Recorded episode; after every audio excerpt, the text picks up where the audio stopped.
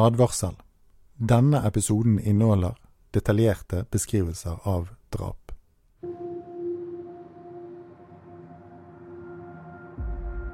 Hva skjedde egentlig da kirkene brann i 1992? Noen vil si at det var historier som gjentok seg. I 1738 sjokkerte tenåringen Anders Sum da han tente på hovedkirka i Kristiansand. Han trivdes ikke på skolen, og ville heller feste og drikke.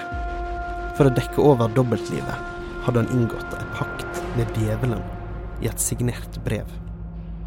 Da korthuset likevel begynte å rase, gikk Anders all inn og tente på kirka for å blidgjøre djevelen. 250 år seinere setter hele Bergen morgenkaffen i halsen. På forsida av Bergens Tidende 20.1.1993 står 20 år gamle Varg Vikanes fram som leder for djeveldyrkerne, og innrømmer at det var de som tente på kirkene.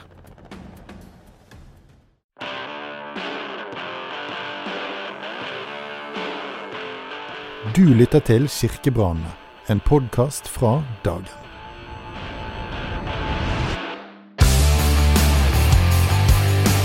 Det er 30 år siden kirkebrannene herja Norge. Et forferdelig eh, ildhav.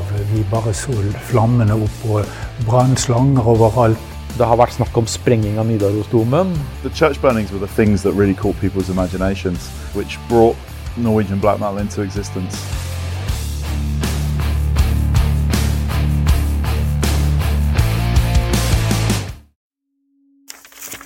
Det man ser, er en forside på Bergens Tidende og overskriften 'Vi tente på kirkene' i sitattegn. Under er det et bilde av Varg Vikenes med langt, sortfarget hår som dekker nesten hele ansiktet hans. Og med to stikkvåpen i hendene som ser veldig ubehagelige ut. Slik beskriver tidligere musikkjournalist Didrik Sørdalind forsida. Etter et halvt år med kirkebranner over hele Norge kom sannheten for en dag. I et intervju som skulle handle om bandet hans, Bursum, klarte ikke Vikanes lenger å holde munn. Han begynte å skryte av brannene, og politiet så fort at brikkene falt på plass. I intervjuet sier Vikanes flere oppsiktsvekkende ting. Han hyller bl.a. ungdommene som tente på Revheim kirke i Stavanger. Stemma du hører nå, er en skuespiller. Vi følte at vi hadde oppnådd den makten vi ville oppnå over andre mennesker. Ungdommene i Stavanger var ikke ekte djeveldyrkere, men eh, de ble påvirket av oss til å gjøre det folk flest mener er grufulle handlinger. Han sjokkerer også når han på vegne av miljøet tar på seg ansvaret for dødsbrannen i Sarpsborg en måned tidligere. Den mest vellykkede var brannen i Metodistkirken i Sarpsborg, for da omkom en brannmann. Han forteller også en ny detalj fra brannen i Fantoftstav kirke. Ved inngangen av kirka fant politiet restene av en hare med hodet kappa av. Men det var ikke den opprinnelige planen. Vi hadde oppholdt oss lenge i skogen før eh, ildspåsetteren. Vi hadde planlagt at vi skulle overfalle det første mennesket som gikk gjennom skogen, for vi visste at studenter ofte går der. Dessverre kom det ikke noen. Det ville hatt større effekt å ofre en død student enn en eh, hare.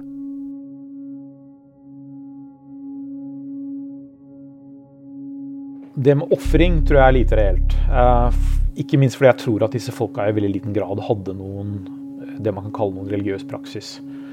Men det at flere i miljøet fantaserte om å ta livet av mennesker, det er helt opplagt sant.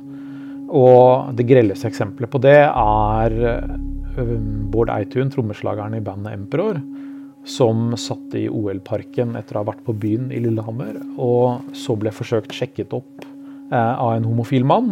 Og sånn som han selv forteller historien, så fikk han et ønske om å drepe denne mannen. Ikke fordi han hadde noen ting imot homofile, absolutt ikke, men fordi han bare ønsket å vite hvordan det var å drepe et annet menneske. Og gjennomførte det drapet oppe i skogbrynet.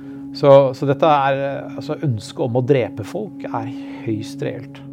I 1993 hadde musikkjournalist Didrik Sørdalind jobba iherdig for å komme på innsida av black metal-miljøet. Han husker godt stemninga i samfunnet etter at Greven sto fram. Det husker jeg ganske godt. Den nærmest panikken i samfunnet som det utløste. Fordi her hadde lille, trauste, kjedelige Norge fått et miljø som folk virkelig ikke klarte å forstå.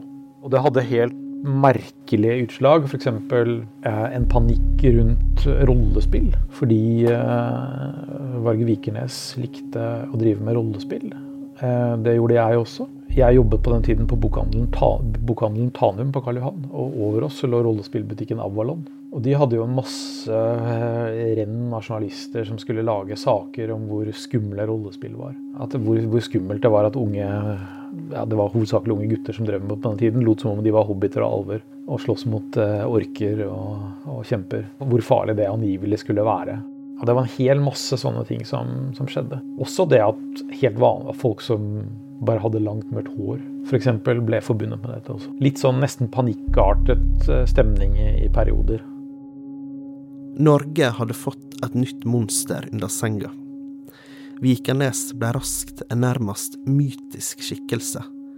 Ikke minst fordi Bergens Tidende oversatte artistnavnet hans, Count Grishnok, til det mer mytiske Greven.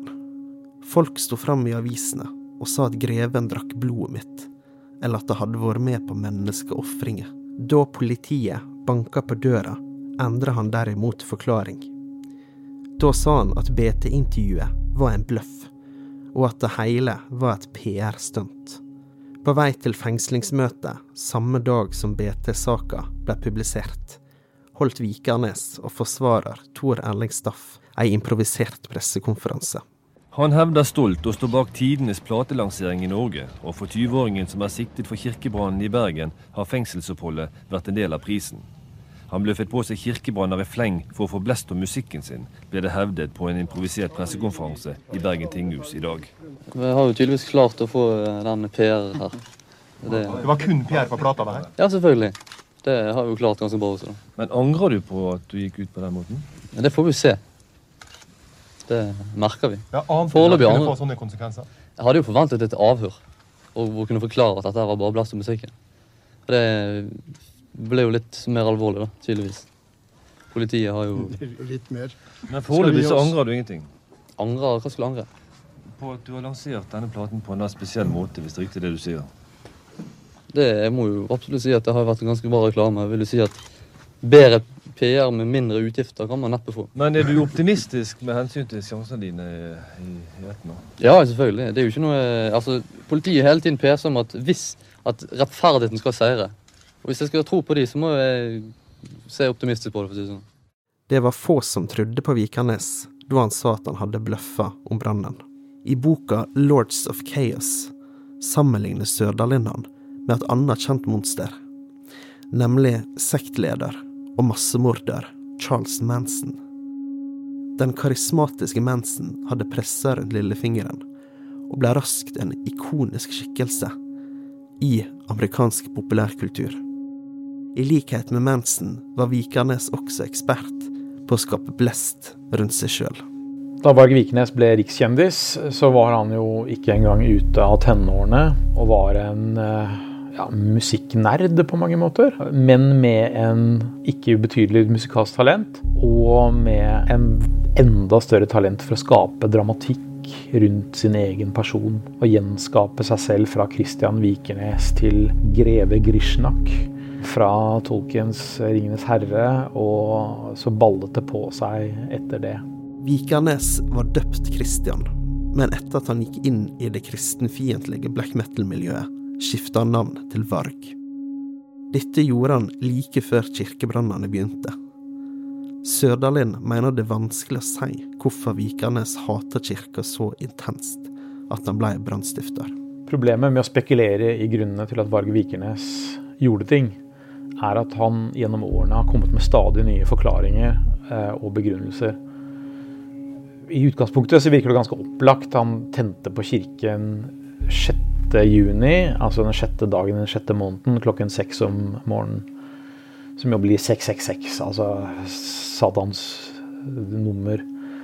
Samtidig så er han i ettertid, når han da prøvde å avsverge seg satanismen og benekte at han noensinne hadde vært det, så mener han at datoen heller var valgt ut fra D-dagen, som ble slutten på naziregimet.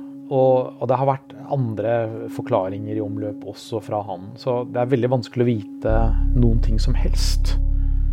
Men jeg tror fremdeles at det handler det handlet om en markering av ham selv i miljøet, og en måte å skape oppmerksomhet eh, for bandet hans Bursum som på den tiden var så godt som ukjent i Norge, bortsett fra en og annen undergrunnsmusikk,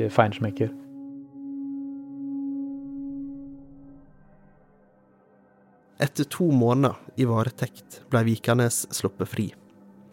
Politiet mente at de ikke hadde nok bevis, men la ikke ned etterforskninga. Vikanes oppsøkte sin gamle venn Euronymous, Øystein Aarseth, i helvete men forholdet mellom dem surna etter BT-artikkelen. I august ble Aarseth brutalt drept med 23 knivstikk, blant annet to til hodet. Halvanna veke seinere var Vikanes igjen pågrepen. Flere i miljøet tysta på han, nå også om kirkebrannene. Da politiet storma leiligheta til Vikanes, fant de flere interessante ting beinrester fra mennesker som sannsynligvis stammer fra gravskjendinger rundt om i landet. Nazigjenstander fra andre verdenskrig. Men mest interessant 100 kilo dynamitt og 25 kilo glunitt. Det hadde i lengre tid vært snakk i miljøet om å gjøre noe stort. Og en av ideene var å sprenge Nidarosdomen i Trondheim. Didrik Søderlind har flere ganger møtt Vikanes i fengselet. Han mener at det ikke er utenkelig at planene var reelle. Det kommer litt an på hva, hvem du tror på og hvilken versjon av historien. Det har vært snakk om sprenging av Nidarosdomen. Vikernes selv har sagt at det han skulle sprenge, var Blitz i Oslo, som han så på som en slags erkefiende. Men det er alltid veldig vanskelig å vite i etterkant hva, hva som var reelt og ikke. Dette var et miljø hvor folk snakket veldig høylytt og skrøt veldig mye. Og det viste seg at de tingene som kunne være, høres mest utrolig ut, viste seg å være sanne. Planene om å sprenge Nidarosdomen har blitt omtalt i flere dokumentarer om black metal-miljøet. Blant annet Once Upon a Time in Norway fra 2007. Stemmene du snart hører, er gitarist Niddo fra bandet Kadaver, og Kjetil Mannheim, en av grunnleggerne av Mayhem. Jeg vet det forelå plan om å sprenge Nidarosdomen. Eh, det var ganske drøyt, da, hvis jeg hadde gjennomført det. Det ville vært sånn omtrent sånn eh, World Trade Center-variant. da. Planene Øystein la for det, eh, var høyst reelle det funny med det, og det visste jo Øystein også, at han kom aldri til å klare å sette, altså, skaffe til veie så mye sprengstoff som måtte til for å så gjøre noe særlig skade på en sånn dom. Eh, han ville kun gjøre overflateskade. Men eh, det tror jeg faktisk at de hadde gjennomført hvis ikke ting hadde stoppet av seg sjøl. Didrik Sørdalin er derimot usikker. Det kan være sant. Eh, samtidig så Jeg tror mer på Blitz. Hvis jeg skal velge en av de to. Det gjør jeg. Ikke minst fordi mange av disse folka syns at Nidarosdomen er veldig kul. Varg Vikenes, født 11.2.73, dømmes til en straff av fengsel i 21-21 år. 16. mai 1994 ble greven dømt til 21 års fengsel for tre kirkebranner og drapet på Øystein Aarseth. Han ble dømt for brannen i Holmenkollen kapell, Skjold kirke i Rogaland og Åsane kirke i Bergen. Men han ble derimot frikjent for brannen i Fantoft kirke. Her må vi legge til at Varg Vikernes blei aldri dømt for brannen i Fantoft kirke. Halvannet år med mediesirkus var over. Endelig var Sirkus Vikernes over. Det var i hvert fall det folk trodde. I stedet fant han seg en ny vei. Han gikk bort fra satanismen, klipte håret millimeterkort og ble posterboy for de norske nynazistene. Han skifta også navn, nok en gang, til Varg Quisling Vikernes. Det verdensbildet Varg Vikernes etter hvert utviklet i fengselet, var jo et mer og mer nazistisk verdensbilde. Eh, hvor han tok avstand fra veldig mye av de tidligere forsøkene sine på å lefle med satanisme. Og gikk mer i en retning av å være en veldig, veldig ortodoks nazist. Og samtidig en slags hedendom med innslag av ufo-forestillinger, hvor han bl.a. mener at gudene i den norrøne gudelæra egentlig er eh, skapninger fra en annen planet osv. Han har også sånne ideer om at julenissen egentlig er den norrøne guden Heimdal eh, osv. Det er veldig mye rart i omløp, og er nok bærer nok litt preg av at Varg Vikernes ble tatt opp i nazistmiljøet da han satt i fengselet, og fikk nærmest læremestere blant det som kalles esoteriske eh, hitlerister, altså, eh, altså okkulte nazister. Som fòret ham med veldig mye rare, eh, nyåndelige forestillinger. Samtidig så er han en person som kanskje aldri har hatt kontakt med, med virkeligheten på noe særlig meningsfullt plan. Han har gått rett fra å bo i en leilighet som hans mor eide, til cella. Og har nesten hele livet vært veldig isolert fra vanlige folk. Da, så han forstår ikke hvordan de reagerer på ting og tenker og sånne ting. I 1998 lagde Dokument 2 en dokumentar om Vikernes og kirkebrannene. Der forklarte han seg om motiver for brannene. Der var han åpen om at brannene var en hevn mot kirka. Sånn som jeg ser det, så er jo det det klart eh, en slags hevnmotiv til stede her, da, hvor eh, Kirken får smake sin egen medisin. Kirken har gått frem på en så forkastelig og feig og brutal måte i Norge at det er helt utrolig.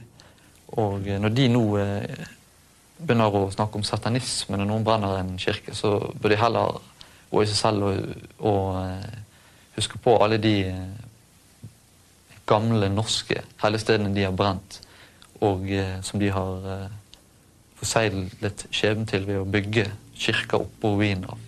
På YouTube-kanalen sin har han uttalt at kirkebrannene og alt som fulgte, egentlig handla om høyreekstremisme, og at ingen av dem var satanister. Stemma du snart hører, er Vikernes sjøl. Many used satanic imagery, many used a satanic theme.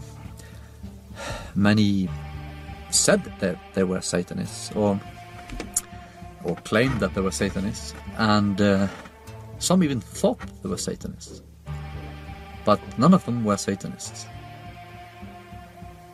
But what they did, or what we did, was to use um, uh, a satanic imagery as a provocation and as a means to show contempt for the established order, so to speak, for the Christian society. And that was it, basically.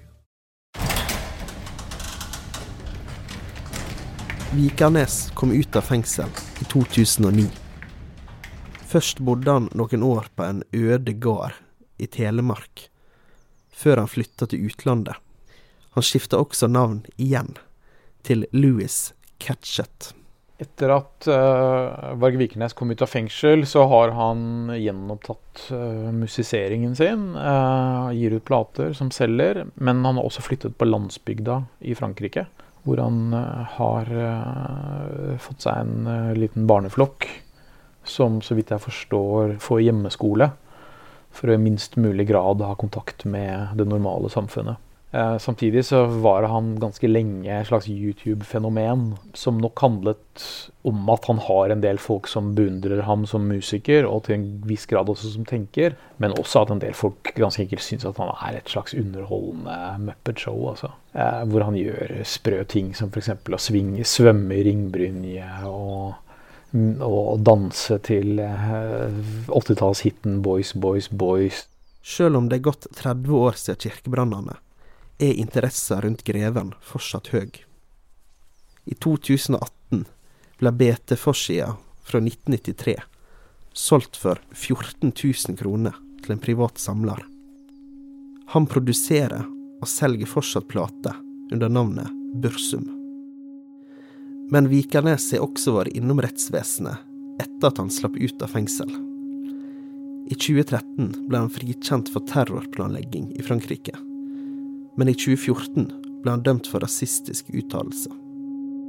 Han var i retten fordi det ble um, fryktet at han skulle begå terrorisme.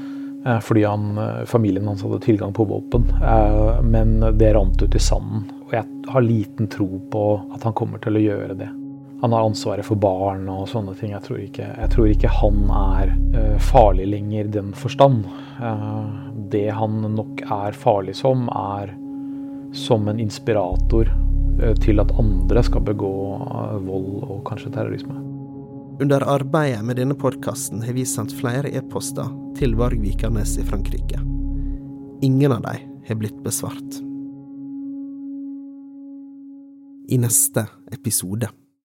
I mean, in so many ways, it's probably been great for Norway. Um, black metal is, has been one of the biggest cultural exports the country's ever produced.